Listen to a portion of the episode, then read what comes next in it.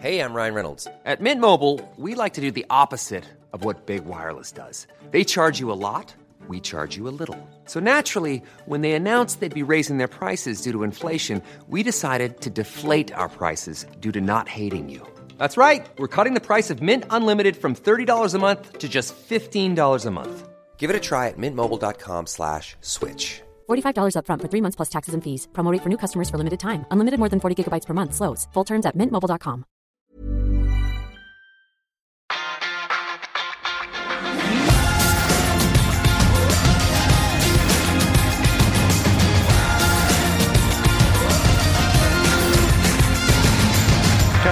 Football, the hell.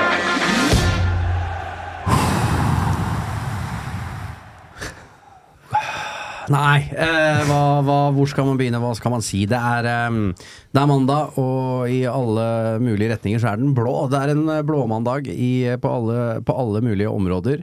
Eh, Pep Guardiola eh, og Manchester City utklasser Manchester United i alle spillets eh, faser. Det er ingen eh, tvil. De er, de er et mye bedre fotballag enn eh, Manchester United. Pep Guardiola, han setter vel på mange måter kniven i ryggen til Manchester United på pressekonferansen etterpå, hvor han sier at her så går alle i samme retning.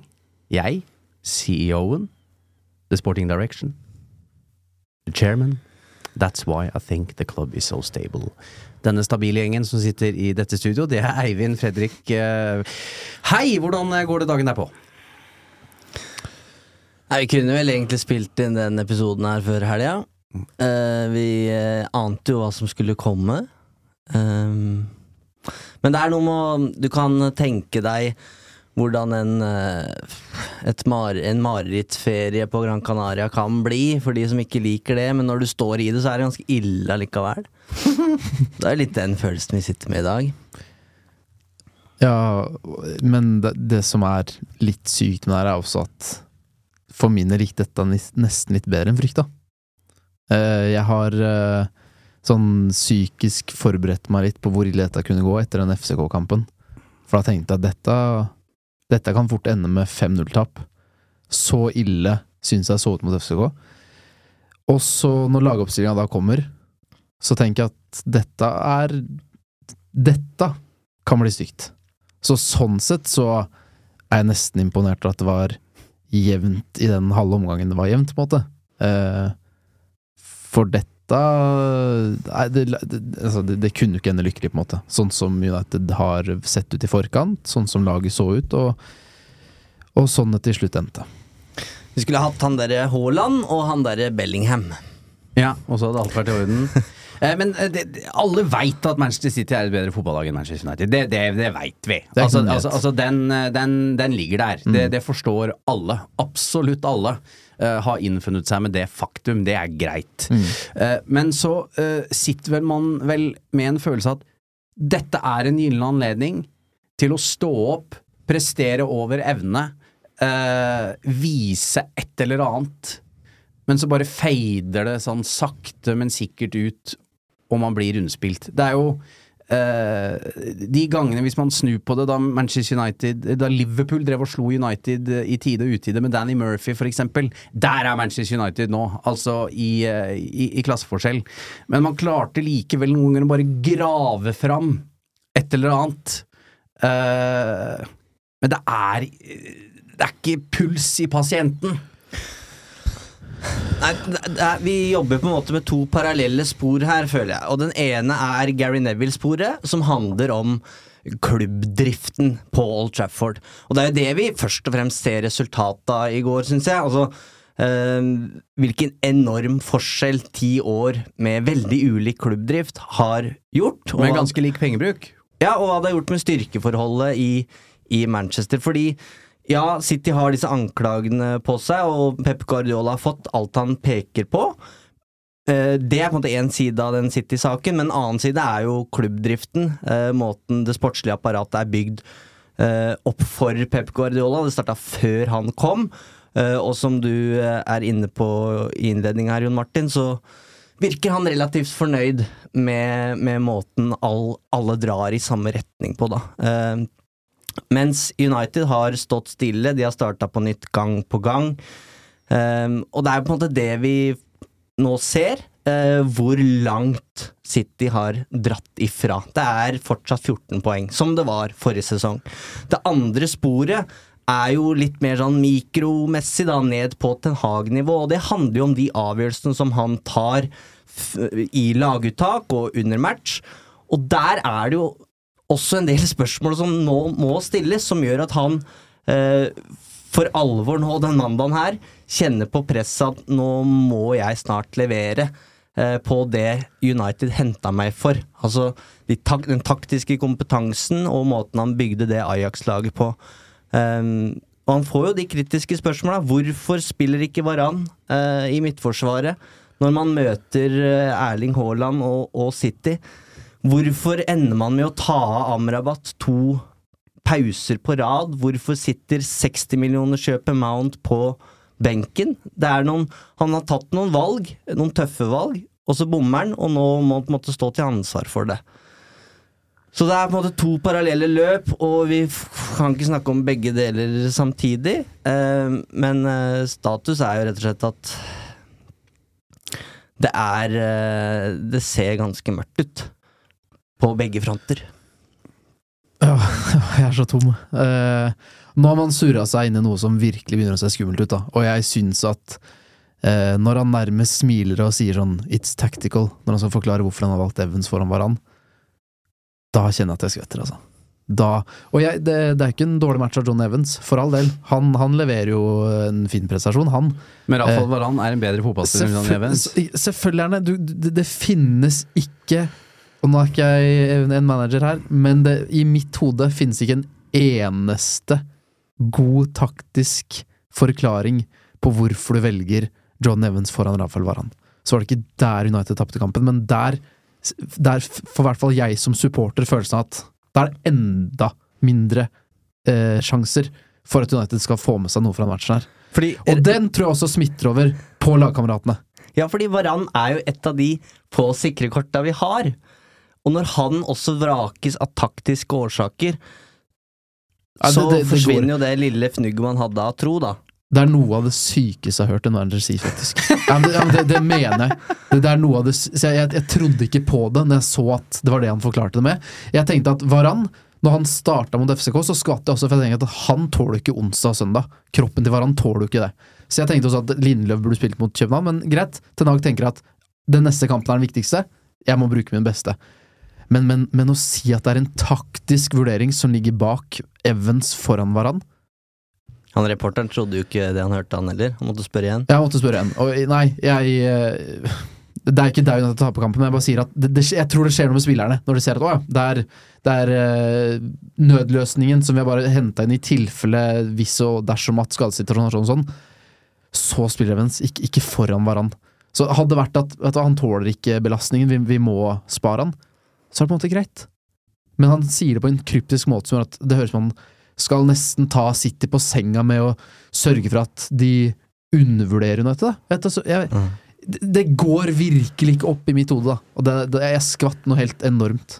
Man tenker jo uh, ofte at ja, det er godt nok med tid, det er bare spilt ti kamper, uh, topp fire Men så begynner man å se på denne tabellen nå, da. Uh, Ja. det, altså eh, Liverpool har da 23 poeng, Manchester United er 15 på åttendeplass. Dette her, det, begynner å uh, Manchester United har altså tapt fem av ti. Tapt halvparten uh, av kampene sine i Premier League denne sesongen. Um, og da uh, er jeg enig med det, de to sporene du ser på her. For ja, og, og jeg er også sykelig opptatt av hvor dårlig drevet denne fotballklubben er. Det er under enhver kritikk. Eh, men han har, uh, Erik Den Hags ansvar er like fullt å vinne fotballkamper, og det gjør han ikke for øyeblikket. Uh, du ser, det blir også så Når du ser Newcastle som drar til Bramall Lane og scorer åtte Arsenal banker dem inn nå i helga, mens Manchester United sliter. Altså, de må grave for å, for å slå Sheffield United. FCK-greiene er jo det er jo ikke bra. Brentford det, det, tenkte man jo skulle være en eller annen katalysator, men det er bare en gjeng som halter videre. Og hvem er ansvarlig for det? Jo, det er Erik Den Haag. Utvilsomt. Eh, og, og vi har sittet her lenge eh, og forsvart han, og jeg mener fortsatt ikke at Erik Den Haag bør få sparken. Eh, men det begynner å brenne sånn smått Uh, under hans føtter også. For nå sitter det uh, en gjeng som uh, ønsker å eie 25% av denne fotballklubben. De kommer sannsynligvis, og forhåpentligvis, til å gå inn med bulldoser på Old Trafford. Og Erik Den Haag har nok vært ganske safe. Men hvis de nå tenker at det skal være en sportslig revolusjon på Old Trafford Som Gary Neville sier i går, det sitter mange der nå Mm. i ulike stillinger og venter. De kommer til å få sparken, de skal bort. Mm. Hvis Manchester United fortsetter å tape og tape og tape mens denne prosessen pågår, så blir det stadig enklere uh, for, for, for Jim Ratcliffe og hans menn å tenke at vi skal begynne helt på nytt. Og det er enklere for de enn for Arnold som ansatte Ten Hag. Absolutt. Det handler om prestisje, det veit vi alt om fra Woodward-tida. Disse kommer jo sannsynligvis inn med null følelser, Mm. og det er jo en positiv ting, det. Eh, uten at jeg sier at det ville vært riktig å kvitte seg med Ten Hag, men jeg er helt enig i at det er Nå, Jeg syns han mer og mer tilsynelatende famler mer og mer i blinde, da. Hvor er Ten Hag? Hvor er han sitt stempel på dette her, da? Det forsvinner i større og større grad, og vi har hele tida pekt på at det er det mange naturlige årsaker til, med skader og alt der. Det er det, er det fortsatt en del gode forklaringer på. Samtidig er det mange ting som bare er at vi må peke på han, da. Ja, for- det ser ikke ut. For jeg, tå, jeg, det, jeg, jeg tåler at Manchester United taper fotballkamper. Jeg tåler også veldig godt at de ikke vinner trofeer. Eh, men jeg skulle ønske jeg kunne se hva de prøvde på. Jeg skulle ønske at dette her var eh, Ja vel, så spilte Så, så slår Manchester United eh, Eller så taper Manchester United 3-0 mot City, men United tapte på sin måte. Eller altså med sitt stempel. At når du, uh, når du ser den derre elleve mann går ut av den spillturneringen på Old Trafford altså, Jeg veit i hvert fall hva de skal prøve på. Men for øyeblikk Altså, det er Jeg ser ikke konturene av noe.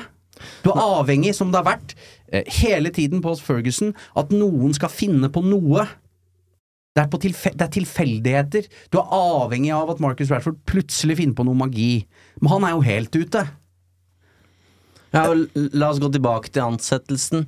Eh, fordi hver United-ansettelse så har vi på en måte Det har vært med et visst eh, scenario om man, man ønsker å oppnå. Med Mourinho så var det sånn nå treng, Vi trenger suksess nå! Vi trenger pokaler nå. Eh, med Solskjær så handla det om å få den gode United-feelingen tilbake. Og med Erik Den Haag så handla det om én ting, og det var å få et sånt United-DNA på fotballen igjen. United skal spille på en viss måte, og han, det store spørsmålet rundt Erik Den Haag var jo hans kapasitet som manager. Kan håndtere liksom garderoben med de store stjernene, og det syns jeg faktisk han har vist at han kan. Skippa ut Ronaldo, vraker Maguire, bytter kaptein, ut med De Gea. Tenker seg ikke om to ganger, han. han. Han gjør det som han skal. Men nå er det jo full stopp på fotballen, så liksom hadde United spilt uten United-drakter i går, i liksom refleksvester, så hadde- ikke hatt sjans til å kjenne dem igjen, annet enn at de er ganske dårlige, da. Eh, og du vil jo ja vel, vi, vi trodde vel kanskje ikke at vi skulle få liksom Ajax-fotballen, det er en litt annen verden med, den, eh, med, med nivået i ligaen der og sånne ting, men i hvert fall det skulle være underholdende, moderne, United skulle presse, og, og det syns jeg det United har trøbla med i alle år under samtlige managere her. Press. De har, de har blitt spist opp av andre lag som presser høyt. eh, og som veit at her er det bare å presse, som Moui sa da etter den FCK-kampen. Vi kommer til å få tid med ball fordi de klarer ikke å presse. Eh, og så går det måte an å si at ja, men Ten Hag har ikke spillerne han ønsker, men han står litt med ett bein i begge de her to spora som vi snakker om, fordi han er en sånn sportsdirektør light. Han får det han peker på, han. Eh, De fleste er jo henta enten fra nederlandsk fotball eller, eh, eller har en connection til hans agent.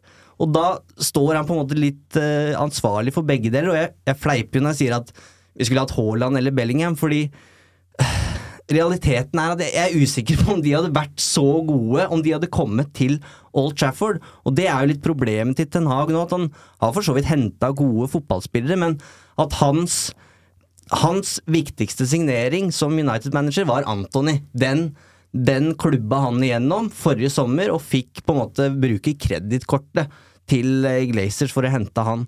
Og at han sitter på benken mot City og kommer inn og bidrar ikke med noe annet enn Si det du, Jon Martin. Hva er det han bidrar med? Han er en jævla idiot. Ja, men Unnskyld, altså oppfør, sier ikke at han Ja, er det, men oppfør- oppførselen hans ja, ja, er altså er- usmakelig og idiotisk. Skikkelig flaut. Eh, og det er eh, ansvarsfraskrivelse på et eller annet nivå om at han er forbanna for å ikke ha fått kommet inn, og så kommer du inn og lager kvalm. Altså Det er så eh, symptomatisk for, uh, for hele greia. Altså går ikke an å oppføre seg sånn! Nei, jeg, syns det var skikkelig flaut. Da. Han skulle vært utvist! Og det eh, Og det er eh, For en måte se det fra hans side. Det er klart dette har vært en forferdelig høst for han. Jeg skal ikke gjøre meg til dommer over noe som helst eh, om hans privatliv, men det er klart dette har vært beintøft, og det å prestere på fotballbanen samtidig utrolig vanskelig. Men man kommer ikke bort fra det faktum at han har vært utrolig dårlig. Han òg! Mm. Eh, og eh, det er Nei, eh, vi er inne på det Hvis vi tar dette laget, da, altså backrekka, der eh, er det jo ingen eh, spillere som Erik Den Haag har henta i går. Nei. Eh, og det er klart at hadde, hadde jeg fått vite altså Hvis jeg hadde blitt satt inn i 2023 jeg hadde ligget og sovet som tornerose de siste ti åra, og så hadde jeg sett Eller siste fem, og så hadde jeg sett at den backrekka Så skulle jeg gjette hvilken klubb disse fire spilte for. Så hadde jeg gått for Bournemouth eller et eller annet sånt. Jeg hadde jo det. Jeg hadde Ja, ja. ikke tenkt at Manchester United skal spille Manchester Derby med den gjengen. Og Mount er et annet godt bilde. Jeg synes det er enklere, enklere å finne bilder på hva som er problemet her, enn å faktisk prøve å komme med en løsning. Og når dette eh, Mount-navnet kom opp i sommer, så var jeg jo skeptisk, men vi, lot, vi snakka oss jo nesten varme her på at Ten Hag har en plan på hvordan han skal bruke Mason Mount, ok? Og problemet er nesten at det er den første signeringa de gjør. Eh, for da Det styrer egentlig resten av overgangsvinduet, så de er jo ikke med i kampen om Rice og Caicedo. Det er for så greit nok, for det er dobbel pris. Men når Mount nå sitter på benken i tre matcher på rad, og den siste er mot City, som på en måte er benchmarken, det er da de skal vise at nå har vi blitt et knapt bedre siden forrige sesong, og så, er, så funker på en måte ikke den ene signeringa som skal inn og løse den der midtbanekabalen, heller ikke når han kommer inn etter pause. Så det, er bare veldig vanskelig nå å tro at Den Haag sitter på svar på, på alle de spørsmåla som, som nå er over huet på han. Eh, og så er det litt urettferdig kanskje å, å, å ta det her etter City-matchen, men vi har jo gjort det her i ganske, Vi har snakka om det her i ganske mange uker nå, og det blir bare ekstra tydelig når han er når han møter eh, det beste og statistikken fra kampen, det, det går jo tilbake til sånn jeg Lurer på om antall sjanser, så var vi tilbake til 6-1-matchen som Evans også spilte. Eh, på XG tror jeg vi er tilbake til den matchen på Emirates når Digea har eh, rekord mange redninger. Så, så det var jo en skikkelig Ja, du ser jo forskjellen på, på laga. Ja, det her, blir, det her blir rotete for min del, sånn hvor jeg begynner å prate her nå. Men uh, jeg syns det er kjempeskummelt for United går inn i den City-matchen her med en seiersrekke på tre kamper. Og likevel så sitter du med en følelse at det, det, det, det ser ikke ut. Sånn ikke det engang gir deg noen som helst form for trygghet eller selvtillit som supporter, så tror jeg også at spillerne Jeg tror de deler den, da. Hvor, er vi, hva er vi, hva er vi kapable til? Ja. Og så snakker du om så mye her som eh, er så relevant da, med, med Ten Hag-greiene. For det første så skulle han aldri vært i en posisjon der han har makt og påvirkningskraft til å styre alle United skal kjøpe. Det, det skulle han aldri fått lov til. At han skulle mene noe om det, selvfølgelig, men at han skal få lov å peke og få som, få som han vil. Det, det sier jo alt om den kniven i ryggen du også snakker om at Pep bare stikker ryggen på PK-en her. For han bare forklarer hvor, alt som er feil med United, når han oppsummerer alt som er riktig med City. Så begynner jeg også, i og med at Ten Hag har fått det ansvaret og den friheten til å gjøre det, så sitter jeg med spørsmål om hvor god teft har han egentlig? For nå er det knapt en spiller han har signert vi ikke stiller store spørsmålstegn ved. Ja, det er riktig, og eh, jeg gir meg ikke på dette. En manager skal ikke sitte med et eneransvar om hvem som skal komme til klubben. en Han er fotballtrener. Og det får han tydeligvis ikke gjort nok av, da. Nei. Han har altfor mye å gjøre. Eh, og så eh, blir, må vi på en måte Perspektivet her er at ja, vi, vi, vi regna med at eh, Manchester United skulle tape denne kampen. Eh, men man sitter jo alltid med et håp, selvfølgelig, at, at noe skal skje. Eh, at, eh, at de graver frem noe som kan være det turning pointet, da. Som for eksempel Liverpool-kampen var forrige sesong, etter den Brentford-fadesen. At, at det er noe som skal kickstarte dette her. Men eh, Brentford-kampen var det ikke denne sesongen. Når, du, når McTominay skårer to, og det er på en måte en perfekt greie for å tenke at nå snur det. Men så kommer de til Bramall Lane, og så, nei, og så, og så er det FCK. Uh, og så tenker jeg, når du klarer å grave deg ut da, av det trøbbelet de havner i mot eh, FC København, eh, så da tenker jeg, da går du vel inn i derbyet da, med med en eller annen selvtillit, jeg veit ikke, men de spiller vel med høye skuldre sjæl. Altså, de, eh, de, de har jo ikke noe gøy, de heller, de syns jo dette her er vanskelig. Men den seiersrekka har jo ikke gitt dem noe, tilsynelatende. Fordi de, de merker jo selv at dette er bare, det er, det er bare tilfeldigheter. Her, Great Escape, på en eller annen måte så fikk vi seg tre poeng. Vi skjønner ikke helt hvordan, men det løste seg. Men vi vet ikke hvordan, fordi vi spilte ikke på en måte som tilsa at vi skulle få det. Jeg sk skremmes også litt av Ten Hag gikk så hardt ut. Som, som United-manager fra starten av så gikk han så hardt ut. Det var, det var ikke måte på hvor unacceptable things var, da. En seier som ikke var på Også hans når måte. Når det også var bra, så var det ikke måte på at dette var ikke bra nok. Det, det, vi vant, vi fikk tre poeng, men det er ikke sånn vi skal vinne. Det er ikke sånn vi skal spille. Og nå, etter å ha tapt 3-0 hjemme mot City, så, så bruker han ord som at det var, det var tilnærmet perfekt. Eh, det, var, det var da vi fikk straffa imot. Det var på 2-0 at det gikk galt. Jeg tror ikke på det lenger. Nå virker som han har altså, Har han skjønt at gruppa mi er for skjør til at jeg kan holde på å være så tydelig og hard som jeg har vært? Fordi nå har Ten Hag endra seg i måten han prater i media på. Han leiter mye oftere etter de positive tingene. Som selvfølgelig Det, det er fint å finne noe positivt etter et 3-0-tap, men hvis du da var knallhard med gjengen etter en 2-0-hjemmeseier, for eksempel, da. hv- hv- Hvor lett er det å henge med på dette her? Nei, det er vanskelig det, men i hans forsvar igjen, da, hva, hva skal han si et, på et eller annet tidspunkt? Fordi nå har han da tapt halvparten av Premier League-kampene. Han må jo lete etter egne halmstrå, han også. Han må jo overbevise seg selv, sannsynligvis hver dag, om at eh, dette får jeg til, og dette skal jeg få til. Og jeg tror fortsatt eh, at han er den som bør ha denne jobben. Mest også på at det går, det går ikke an å kaste han på båten akkurat nå. Altså, nå har de lagt alle disse eggene i kurven, i den ene kurven igjen. Uh, og Nei, jeg veit ikke, det er, det, men det er, det er krevende å For å si det sånn, da. Det er ganske krevende å komme hit hver mandag uh, og oppsummere og prøve å sette ord på, på ståa i Manchester United.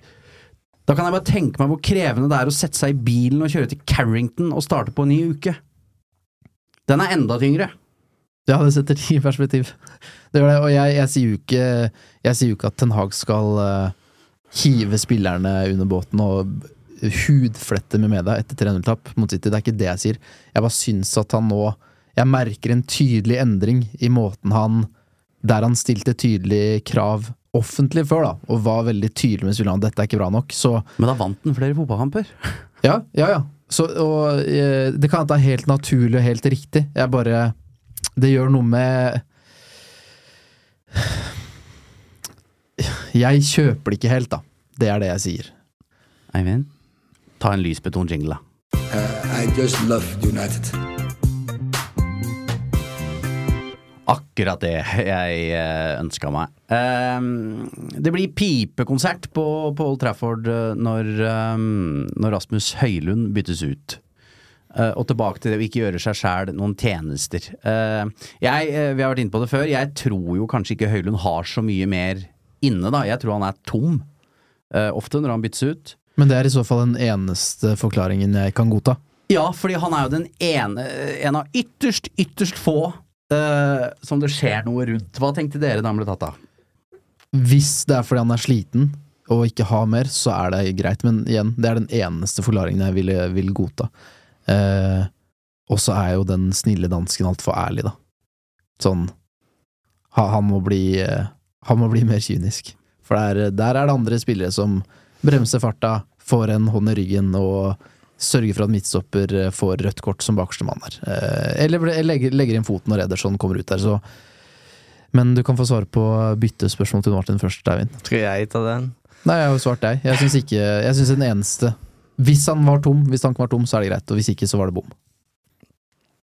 Nils mener det er helt uforståelig, i hvert fall, og det er enig i det. Han er den eneste som spiller med en viss tro og selvtillit. Eh, Men for min del så var eh, Så er og det, Jeg skjønner at Ten Hag kan ikke stå og si det Paul Trafford, at kampen er over når Haaland setter eh, ballen i mål fra straffemerket, men det er det alle peker på i går. Det var på en måte vendepunktet etter en United henger i hvert fall med, liksom.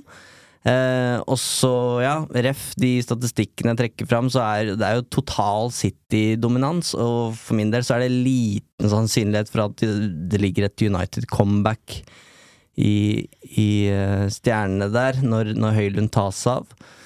Men det er jo en fallitterklæring i seg sjøl. Det sier litt om hvor vi står, eh, men det er klart å Nei, at United skal skåre mål uten høy Men det, det er litt rart å si det òg, for han har ikke skåra et eneste Premier League-mål. Så liksom Ja, det, det, det, sier litt om det halmstrået vi klamrer oss til her. Det, er ikke tjukt, det heller. Men eh, en som eh, var eh, på Old Trafford i går, det var Dag Langerød, og han har sendt inn en liten rapport til oss. Hei gutter, det ble ikke noe bedre enn når kampen var ferdig heller. Jeg skulle ta trikken hjem og kommer til den, og da har det vært en ulykke så den står. Jeg begynner å gå hjemover, hva skjer når man har valgt 50 meter på veien? Jo, da begynner det å pøse ned. Så nå er jeg gjennombløt, jeg er kliss blaut, og jeg har akkurat sett laget mitt tape. Jeg er ikke happy. Jeg satt også der hvor syngeseksjonen var før, veldig høyt. Så høyt at jeg ikke så himmelen. Og hva er det man ser når man sitter så høyt på Old Trafford? Jo, man ser jo at det dessverre ikke er en eneste relasjon. Igjen, i dette United-laget her, ingen vet hva de skal gjøre til noen tider. Det er i hvert fall ingen som gjør det. Det betyr at det laget jeg ble så glad i forrige sesong, det laget jeg hadde tro på før denne sesongen her, er borte. Det betyr også at det laget som Erik Den Haag hadde i Ajax eh, Hvis man skulle tro at han skulle få til det i United, det er i hvert fall ikke mulig å se det her. Og det som også er spesielt, det er jo at det som alltid har vært forskjellen vår, altså bakromstrusselen Det er jo sånn vi har slått City mange ganger før, ved å slå i bakrom og la Marcus Rashford løpe. Men her sto City så mye 40-50 meter fra egen, uh, eget mål, og vi trua ikke bakrom, selv om vi nå har både Rashford og Høylund. Så det er ingenting. Eh, så blir det ikke noe bedre. Massiv buing selvfølgelig når Rasmus Høylund blir bytta ut. Jeg tåler den fordi at jeg tror det er viktigere å beskytte Høylund enn å kjøre han i senk det siste kvarteret på 0-2 hjemme mot City. Eh, Så skjønte jo alle at dette handla ikke om Høylund, det var jo mot Ten Hag, eller det var fordi Marcus Rashford ikke ble bytta ut, og han fikk jo massiv buing når han forsvant ut litt seinere. Jeg mener eh, ganske sterkt at det er feil signal å sende til han. Han var dårlig igjen, ja, men herre milde. Er det noen som tror at han blir bedre av at vi undersøker hvor ræva han er? Så Derfor så ble jeg også glad når jeg fulgte han med øynene når han gikk av banen, på motsatt side av benken der. Han fikk applaus når han tusla rundt, eh, tross alt, fra de som satt, eh, satt nærmest og så han passere forbi. da. Eh, så det er jo bra, men fortsatt ingenting, gutter. Jeg klarer ikke å komme med noen kjappe og gode løsninger. Vi har en massivt savn eller Luke Shaw, men han kommer jo ikke tilbake. Vi har et massivt savn etter Lisandro Martinez. Det påvirker igangsettingen, det påvirker rytmen, det påvirker alt.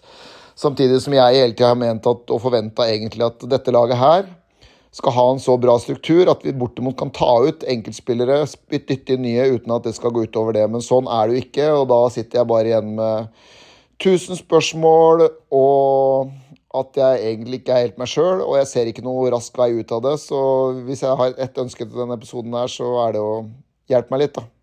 Hvordan i all verden skal dette snu?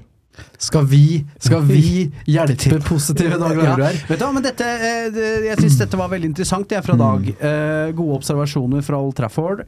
Eh, og også eh, Det som bekymrer meg mest, faktisk, ved det jeg hører fra Dag nå, er at Dag er i tvil. Skjønner du hva jeg mener? Ja, han pleier å ha en del ja, halmstrå. ja, ja, fordi Dag er jo den som på en måte er siste instans ved å gi opp. Eh, og en resignert Dag Langerød, det trengte jeg ikke å høre noe om. Men jeg syns det var veldig interessant. Eh, og eh, jeg føler at vi sitter litt i, i samme båt her, hele gjengen. Og uh, du sa jo det før vi gikk på her òg, Eivind, at uh, du merker at agget er større enn før, altså i innboksen, særlig på mail, for det er jo der vi foretrekker å få våre tilbakemeldinger. Og beklager hvis vi sitter her og eh, bare tyter ut galla av oss, av oss i dag. Ja, vi kan ta noen av dem, da. gjør det, for Har jeg en liten liste her.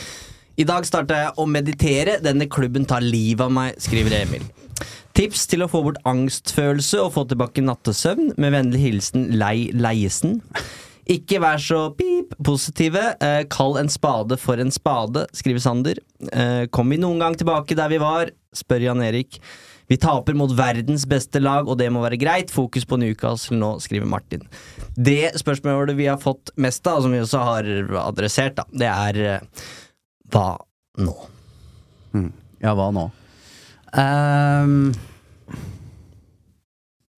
nei, jeg, jeg, jeg begynner å bli litt svar skyldig, altså, fordi eh, Og det er man, Igjen kommer ikke bort fra at de mangler utrolig mange viktige fotballspillere. Eh, en skadefri tropp, så hadde denne eh, startelveren sett annerledes ut.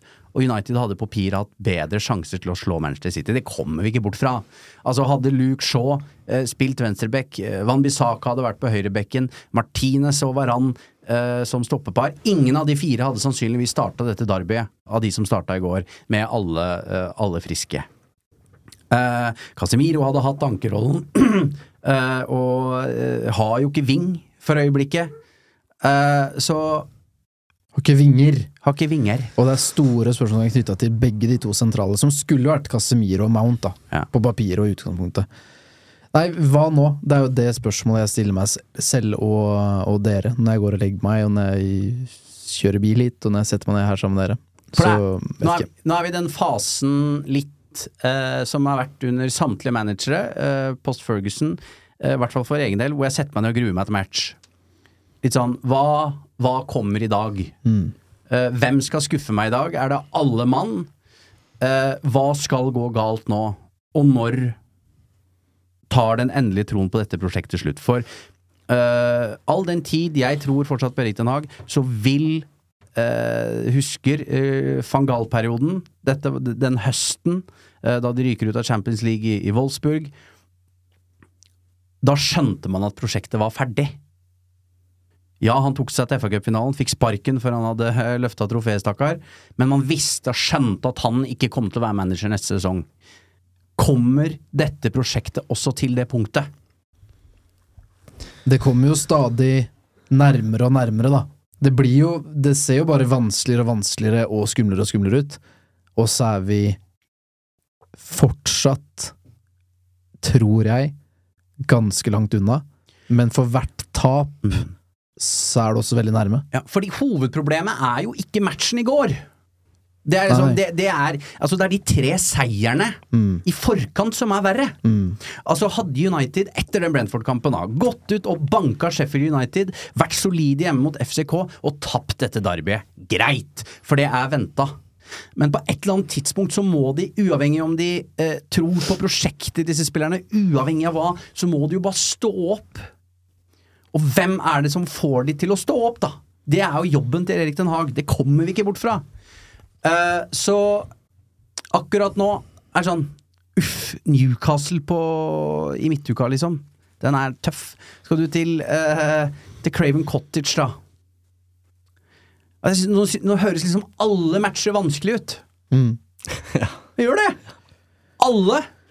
Ja, jeg føler meg ikke konfidant inn i en eneste match. Du tenker jo i hvert fall mot FCK, da. Herregud, gyllen anledning, anledning bare til å gå ut der og få en god opplevelse. Så er det bare å gjøre det òg. Ja, men det, er helt, det er det jeg har pekt på. At for meg er det også det mest urovekkende er at du får en seiersrekke på tre kamper. Men det du føles- sit- men det hvor du, ikke som en seiersrekke! Nei, det er ikke noe positivt knytta til det utenom de poengene du har raska med deg på mirakuløst vis på veien. Det er det eneste positive jeg har sittet igjen med. Det bare dukker opp flere og flere spørsmålstegn knytta til hver seier i den seiersrekka, som er negative, da. Har du noe kontrært her, Eivind? Kom igjen da, Holt. Kom igjen alt Holt. Løft oss. You raise me up. Nei, men eh, det er jo eh, jeg- Det er jo litt den Ratcliffe-komiteen som på sett og vis er et håp nå. Mm. Um, men jeg, jeg snakka jo med noen i Manchester i helga som uh, veit hva de snakker om, og de sier jo det at um, um, Det tar lang, lang tid før det her blir bedre. Eh, og da tolker jeg det som at uh, den Ratcliffe-komiteen løser nok ikke alt det heller. Uh, det kan ta tid før den er på plass, det kan tid, ta tid før den er funksjonell. Ja da. um, Skal ikke han sykle inn på Old Trafford, han der sir Dave snart? jo, Brailsford Ja. Eh, nei, vet du hva, jeg, jeg syns det er veldig vanskelig å finne, finne ord for hva som uh, Som må bli bedre. Men det er jo som du sier, Martin, at den, vi kunne egentlig bare fjerna den City- City-matchen her fra resultatlista. Det hadde ikke utgjort noen forskjell, fordi når United nå skal møte Ja, mot Newcastle kan det jo bli litt annerledes, da. Kanskje vi får se Hannibal og Mainu og Garnaccio, og så er det i hvert fall ja, Kan man det? en kan litt jo ikke annen gnist. Han, man, man, man må jo sette opp eh, Han må jo for det første uh, jakte hele tiden på gode opplevelser, fordi uh, de, de trenger gnist. Altså, bålet trenger gnist. Han kan også eh, etter hvert nå tape så mange kamper. Hvis de fortsetter å tape Premier League-kamper, så må de jo satse alt på cupene, da. Det er jo ligacupen uh, uvurderlig. Men når er sist United spiller en god kamp, da? Er ikke det Bommer jeg hvis jeg sier at det var Palace i Liacupen? Og hvilket lag stilte de med da? Mm. Det var jo de nest beste, Ja. som har levert sesongens beste kamp for United sin del. Eh, Som, Ja, ja. Hvor de også fikk eh, en seier, da. Eh, og, hvor, og hvor lenge kan du la Rashford og Bruno holde på utpå der, før det får konsekvenser? Før det også sies at Og dermed, sånn mens jeg prater her, så dukker det opp en tanke om at er det en god anledning til å skylde på at de trenger hvile, da, mot Newcastle, hvor egentlig det er at de får beskjed internt på at dere benker har for dårlig, men jeg kan forsvare i media ved å si at dere trenger hvile, og at jeg dermed på en måte nedprioriterer litt.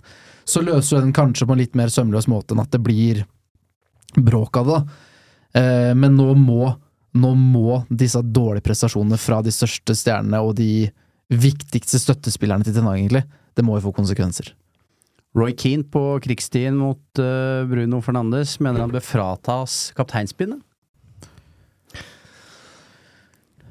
Jeg syns ikke kapteinsbindet er noe du liksom bare kaster rundt i garderoben. eh, litt sånn henslengt, på en måte. Det er, det er store personligheter som har hatt eh, den i Manchester United før, så jeg syns man skal ta det på alvor. Det setter jo også standarden, da, med Robson og, og Roy Keane, liksom, for hva Bruno Fernandes skal være.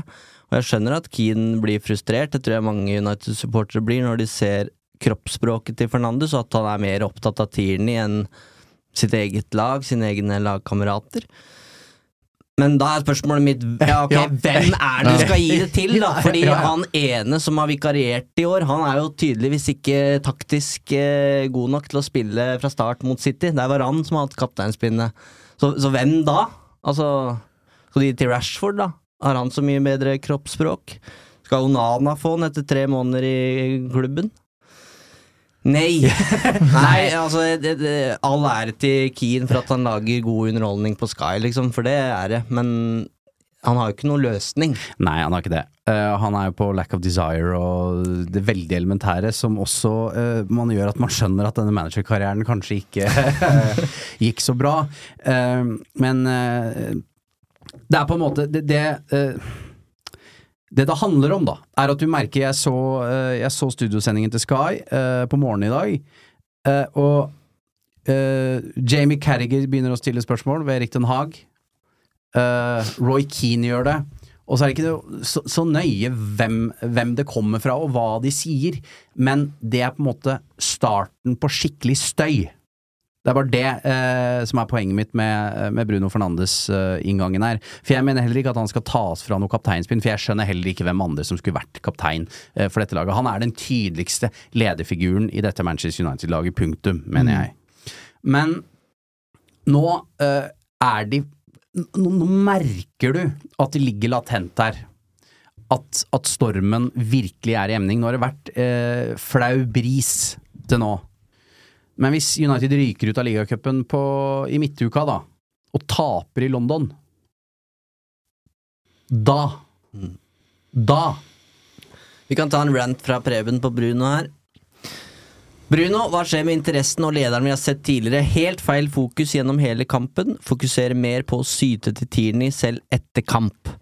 Virker totalt uinteressert i å jage. Eh, han går foran som et dårlig eksempel for resten av laget. Og hva tenker resten av laget når kapteinen enten henger med huet eller syter til dommeren?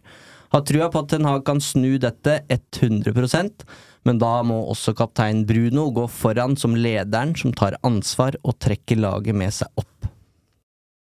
Ja, eh, jeg satt eh, en gang i Baku sammen med Tor Ole Skullerud eh, og tok en pilsner. Og da snakka vi om eh, det å være fotballtrener og det å, det, det, den pratinga om å miste garderoben og at det ikke ser ut som spillere prøver. Eh, og det husker jeg han avfeide så tydelig som rent pissprat. Eh, og det har jeg kjøpt i ettertid, at jeg tror ikke at de elleve som går ut og spiller for Manchester United fra start, ikke prøver. Jeg tror heller ikke at de ikke vil. Jeg tror rett og slett bare at de, de, de fanges og faller kollektivt i et prosjekt som ikke funker. Og da er vi på en måte tilbake til de to spora igjen. Jeg tror det er bare viktig å eh, Jeg tror ikke de går ut og ikke vil. Jeg er helt sikker på at de vil. Jeg tror ikke det er noe i verden de vil mer. De får De får, ikke de til. får det ikke til. Og det er forskjell på det, altså. Eh, og jeg syns det, det, skiller seg eh, fra en del andre tropper eh, vi har sett tidligere, med tilbake til Pogba, Lukaku eh, og mange sånne råtne egg eh, som det ble snakka om i, i en garderobe. Jeg føler ikke at det er det eh, hva skal jeg si, kulturelle problemet som har vært tidligere. Jeg, jeg, Du er ikke redd for at de kaster Ten Hag under bussen her eh, til slutt? Det kan det godt hende de gjør, men jeg, jeg, tror ikke jeg, jeg tror de bare er blotta for selvtillit. Eh, de, de, de får det ikke til, altså.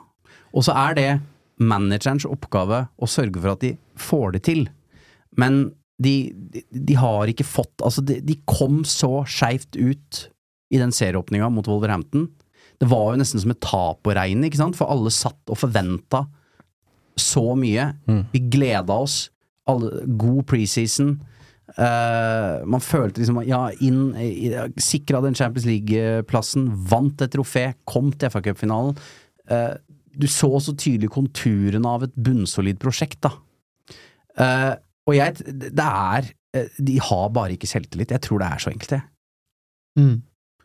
Ja, jeg eh, Bruno- Bruno-kritikken sånn Jeg er fullstendig enig, og jeg river meg håret sjøl av dårlig kroppsspråk og den frustrasjonen han For det, det smitter jo negativt. Mm. Men jeg er ikke enig, egentlig. Sånn, så, sånn jeg så kampen, så følte jeg ikke at det mangla noe, noe gnist eller noe lyst eller noe hos Bruno eller enkeltspillet.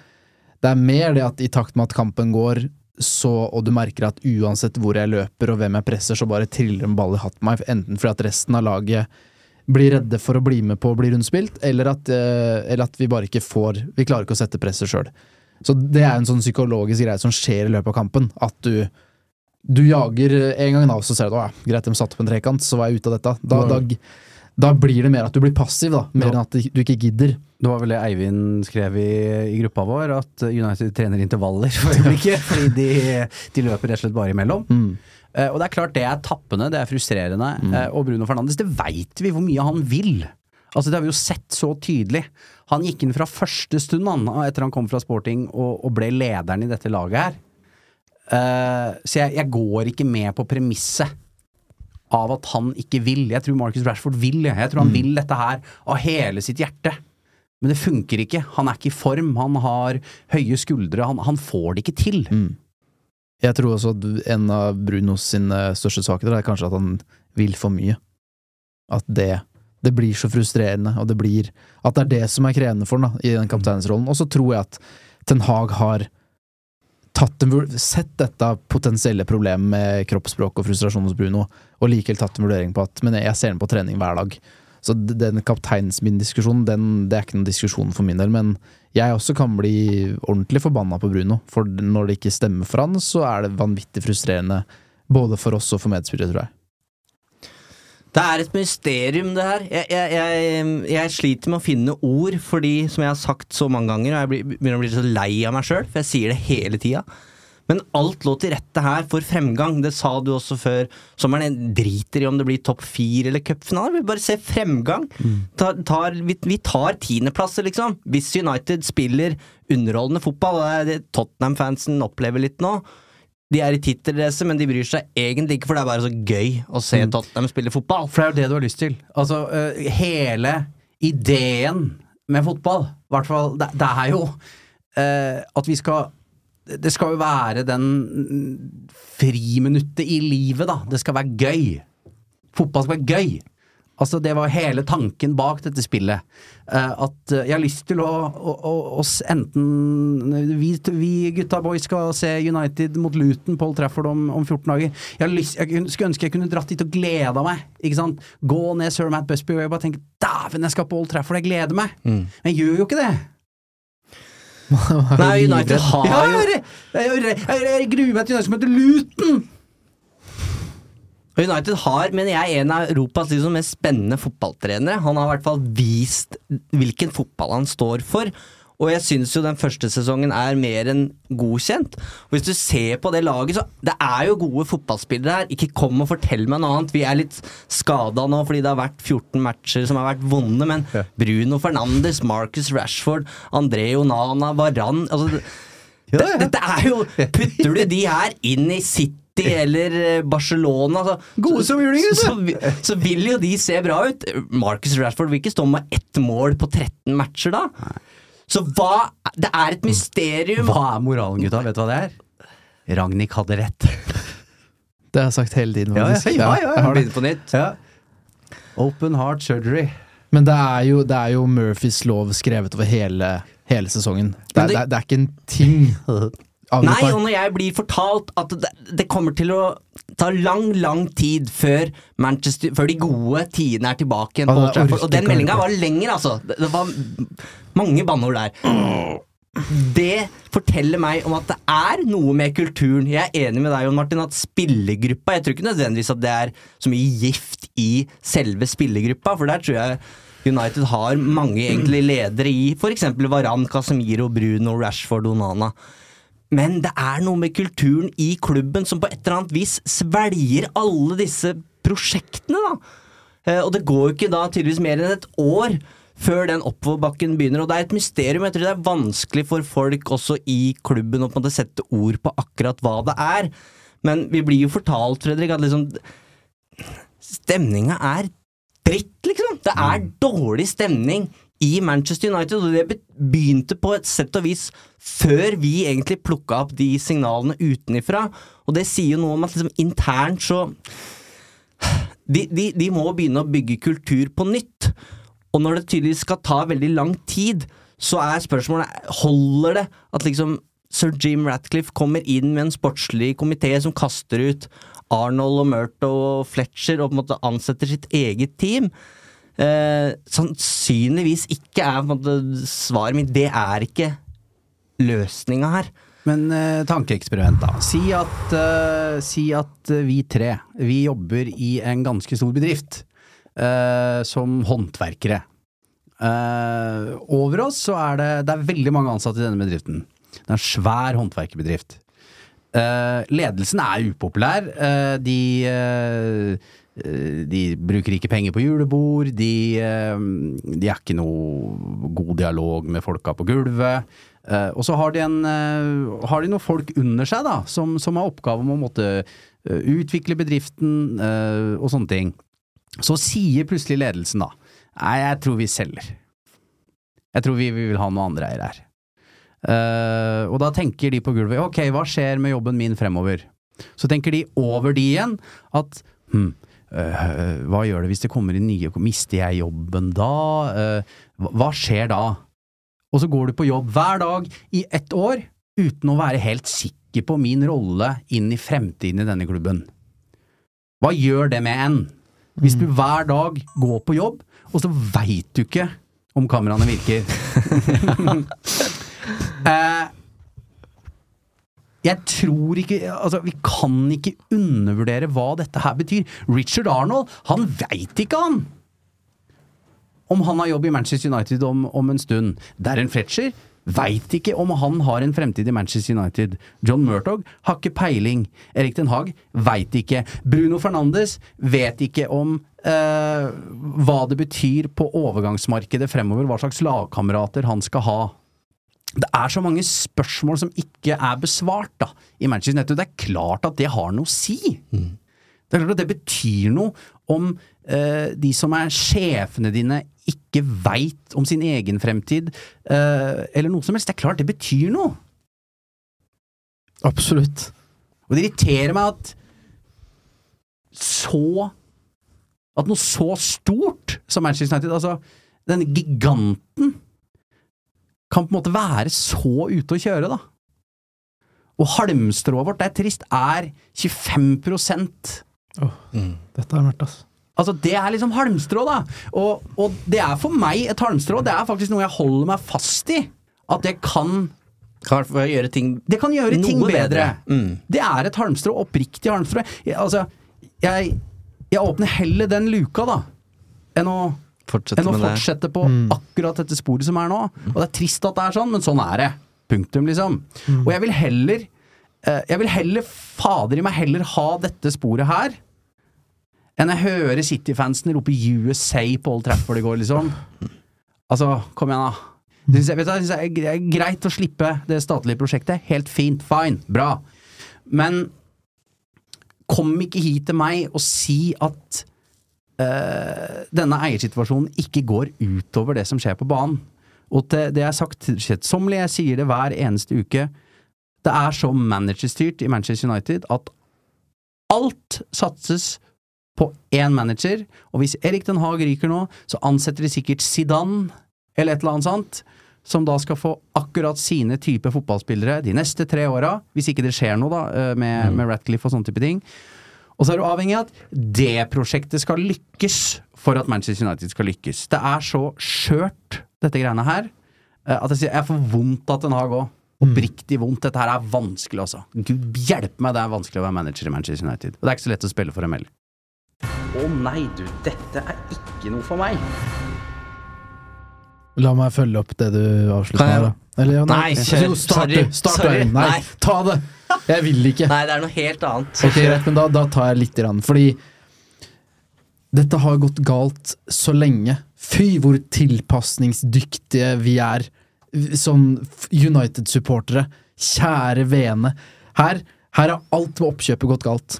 Fra, fra når er det begynte? November i fjor? Oktober i fjor? Når er det begynte? Vi er rundt bursdag omtrent nå, tror jeg. Ja. For Hva, og hva er det man så for seg? Det var at Glazer skulle ut, ikke sant? Og nå har vi de 25% som er halmstrå. Det er håpet vårt. Kom igjen, Fredrik. Kom igjen, Fredrik. det er ikke lenger til en Haag som er frelseren vår. Ja, Nå gidder jeg snart ikke. Nei, kom igjen! Kom igjen, nå! Jeg mister vi helt, da, Nei! boys. Eh, Hva er det- halmstrå? Dere er fine å ha med seg i krigen, halmstrå? Eh, nei, Ten Hag var frelseren vår. Nå er det Ineos og 25% som kanskje kan bli det. Jeg bare pr prøver å få fram overgangs... So sommermarkedet vårt. Til slutt så satt vi og var drithappy, vi. Med Onana, Mount og Høylund. Vi Må ikke glemme Amrabat. Vi skulle bare beholdt Fred! Hæ? Hva er det vi fikk for fredag? da? Fem millioner pund? Hva er det vi betalte for å leie Amrabat? Hva er, det vi driver med? Kunne heller tatt det antivelse. Ja, men, men, men helt ærlig. Greia er Vi, vi, vi, vi trengte verdensklassespillere i hele sentrallinja. Vi har kjøpt Mount, som er, det er Høylund! Høylund kan bli dritbra, han. Han kan bli dritbra. Men vi trengte jo verdensklasse ved siden av han, i tillegg til så at han kunne bare rolig komme inn i noe velfungerende greier. Alt har gått galt, bortsett fra det Ten Hag har drevet med i første sesongen. Alt ramler. Absolutt alt. Jeg orker ikke. Gi meg styrke. Jeg trenger det. Nå kan du gå til det du skulle. Det er vi Dette som skal gi folk styrke. Dette det, her syns jeg var deilig. Nå ble jeg glad å se han Filtvetten oppriktig øh, Skalv, nesten! Det var fint. ja, vi um... Du skulle til forræder, du. Ja, jeg skulle det. Forræder nå. Hva har jeg gjort for noe nå, Vi kjører den en gang til. Å nei, du, dette er ikke noe for meg. Det går jo ikke på skinner her heller i dag. Det må vi bare beklage overfor våre kjære Spent på hva jeg har gjort nå. Er det quiz eller noe sånt? jeg, nå? Du var sikkert klar du for å liksom bite på idet Jon Martin var ferdig, så kjører jeg jingle. Det er ikke meninga. Nei, altså vi la oss skifte litt spor da over til uh, forrædersporet isteden. Fordi du har jo en kompis der inne, Jon Martin, i han Petter Katastrofe. Ja. Han sitter i eh, eh, Liverpool overall eh, på et av de intervjuene. Snakka dere noe fotball, og du sa at du lå på rommet og så United-matcher? ja. Nå husker ikke jeg helt når du var i innspilling, Det var i april. var det da den Liverpool-matchen? Mm, Nei, Nei, Nei. du slapp den. jeg slapp den. Men uh, Det var i mars. jeg feira bursdag på Anfield. Ja, ja, ja, ja. Nei da, da var jeg jo her. ja. Vi utsatte jo starten på denne podkasten fordi United fikk så pryl på, på Anfield. Ja. Er det, et- var det et annet eh, Skulle du stikke en lang kniv på meg nå som Nei, falt? på ingen måte. Nei. Det var bare åssen var, det Studio å- faller ned, Ja, ja. Eivind. Det er, Det er, det er så bra. åssen var det å snakke med Petter Katastrofe om fotball? Er han veldig Liverpool, liksom? Petter han ble jo fotballinteressert seint, han. Eh, men eh, han, er, han sier han er glad i Liverpool. Eh, men jeg, vi, vi snakka ikke mye fotball der inne, altså. Vi gjorde ikke det. Det ble mye spillprat, vet du. Han er glad i mer enn Liverpool. Han er veldig glad i deg. For en bromance. Ja, jeg, og jeg er veldig glad i Petter. Syns det er klippa litt sånn um, rart. Det virker som det er en enveiskjærlighet. Eh, og at jeg er utakknemlig for alt. Han har jo gitt meg både liv og annet, annet i gave der inne. Så nei, jeg er veldig glad i Petter, Petter Katastrofe. Jeg, jeg kjente at timinga di var ikke så dårlig likevel, Eivind. Fordi dette, dette var liksom det lille løftet jeg trengte. For det, nå, det var mørkt en periode her nå. Ja. Det syns Ja, jeg var det, er, litt- det, er, det, er, er litt trist at det som får dere opp, er at eh, vi snakker om eh, mitt eh, forhold til Liverpool-fan Petter Katastrofe. ja, så mørkt er det faktisk. Ja. Ja. Ny opptur, da. Jeg mener at jeg ble, jeg, jeg, jeg ble glad i går jeg, så Isung Park og Patrice Evra komme nærmest hånd i hånd inn Paul Trafford. Uh, man må jo klore seg fast til det lille som er. Ehm, nei. Jeg Ja. skulle spille opp et spørsmål der, jeg. Ja, ta Eh, et spørsmål, du. Onana får noen redninger. De må pradde som eh, skriver Munira, som forhåpentligvis sitter og lytter på i sin eh, Uno-genser, som hun fikk eh, tilsendt av oss. Og så er det et annet perspektiv her. Eh, kan vi slutte å hylle Onana nå? TV-redninger og returer på alt han tar i, skriver Stig. Ja, dette var jo to motstridende. Ehm, jeg tenker at André Onana er den som kanskje fikk den beste opplevelsen av det Manchester-dagen i går. Og det var bra. Mm. Det trengte han. Han- begynne bakfra. Ja, ja altså vi må, også, her må vi tilbake til Halmstrå. Da. Her må man eh, Nå har han hatt to gode opplevelser på sett og vis etter hverandre. Han eh, redder det straffesparket mot FCK, eh, og så er han vel den som sørger for at det ikke blir seks og syv i går. Eh, og, og det er bra. Og jeg tror uh, Jeg syns også han var uh, litt mer offensiv i skallen og sto litt høyere til tider. Hadde et par av de pasningene som er litt forløsende under matchen. Så han kom fra det med æren i behold og vel så det. Så kan man tenke liksom den returen uh, osv. Men ja, jeg er ikke ute etter å ta han på noe som helst vis etter den matchen her. Han fikk meg til å glemme den tvilen jeg på en måte hadde til den. Og det syns jeg var veldig positivt. Og han skulle ut der og replikere den eh, prestasjonen han hadde for Inter i Champions League-finalen mot City. Han. han skulle bare ut der og spille mot City på nytt, sånn som han gjorde forrige gang han møtte dem. Eh, så jeg syns det var veldig sånn Veldig trygt fra han. Da. Det der trengte, det der trengte vi. Ja, og Høylund er en sikker brikke, og det, det syns jeg også Onana er. Uh, og selvtilliten hans, det, det er nesten det som er mest betrygg, betryggende eh, her. At eh, han har nå vært nede i den dalen som alle skal som United-spillere, men har kommet seg opp igjen. da. Den redninga på headinga til Haaland, den er sjuk. Men så er jo så, er det er så trist at Marcus Rashford og Bruno Fernandes ikke er i form. For tenk deg hva det hadde gjort med forholdene til Høylund. Nå er det på en måte Når han krummer nakken som Ruud van Nistelrooy og dundrer av sted, Mm. så er det så Men Høylund skulle spilt til Rashford Det i går. skulle han så absolutt. Uh, og eh, Men likevel, da. Altså en Rashford med selvtillit. Ja, Tenk deg Høy, eh, Høylund sammen med Rashford etter VM forrige sesong. Nettopp. Da hadde det sett hadde vært butikk. bra ut. Så, eh, Jeg har en sånn fæl statistikk enn den bibelen min, Jon Martin. Eh, hvis vi skal kategorisere tre spisser i troppen, da eh, Høylund, Rashford og Martial, de har nå gått 1718 minutter uten scoring i ligaen. Eh, nei, unnskyld, de har én scoring på 1718 eh, minutter. Det er mål hver 19. match. det var fint å ta med seg videre inn i mandag. Og da skriver Erik Nå må vel Rashford få seg en real pause. Det her blir faktisk et sånn lite Ten Hag-forsvar igjen, da.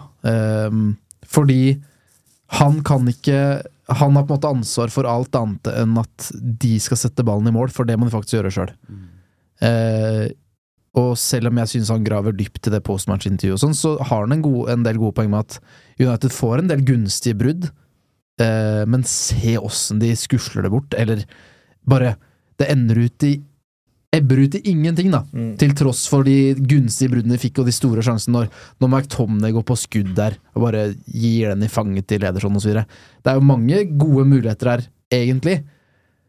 Så, så noe Jeg vet ikke hva jeg skal bare Men nå får det- det en sånn free hit, Ja. for nå kan vrake Rashford mot Newcastle. Eh, og så får man håpe at det vekker et eller annet der. Ja, er det det? Er Veit at det ikke har den samme signaleffekten som å vrake Mm. mot City, altså, men, mm. men nå kommer det i hvert fall en match hvor han kan gjøre litt andre ting. Om de ryker ut av ligacupen mot Newcastle, ja vel, det betyr ikke så mye i den store sammenhengen akkurat nå. Bare la meg spørre, for jeg jeg vet det er Lia Cup nå, men hvor langt bak er United eh, bak Newcastle på tabellen? Er det to eller tre poeng? De spilte vel uavgjort i mm, De er to poeng bak Newcastle. Men se på den målforskjellen her, da. mm. Er det, pluss, er det pluss 15 på Newcastle og minus 5 på United? Korrekt. 11 skåra mål. Uh, nå spør du godt her. Men uh, United har i hvert fall minus 5. Og Minus 5. pluss 15 Mm. på, på Newcastle. Og det Og Newcastle er også langt bak uh, ligateten, da. Sånn uh, United har 11 skåra mål. Brighton, som da ligger eh, på sjuendeplass, har 23. 11 skåra mål. På På ti kamper. Mm. Og to av dem var mot Brentford, og to av dem var mot Sheffield United. Tre mot Nottingham. Trommetruls, hvorfor er det så mange som mener at Ole Gunnar aldri burde vært sparka?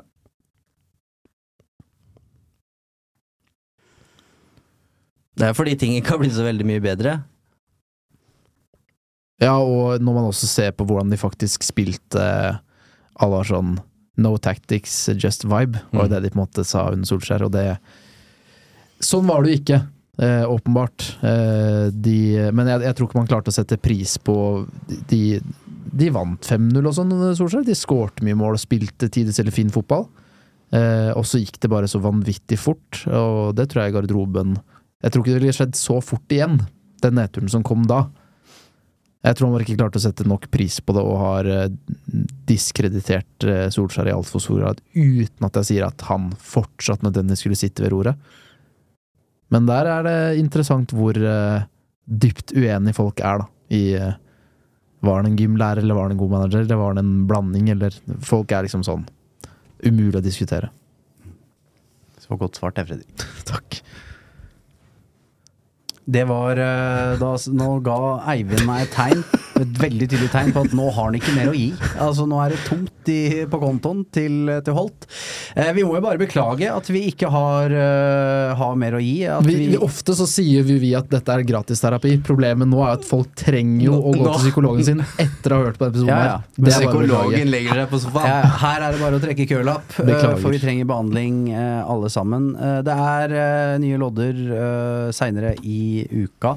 Det kommer alltid en ny mulighet til å snu dette her. Manchester United er i trøbbel, men eh, vi, gir oss ikke, vi. Vi har ikke noe annet eh, valg. Takk til eh, Eivind og Fredrik, og tusen takk for at du har hørt på. Og så er det nå en gang sånn at vi høres snart igjen.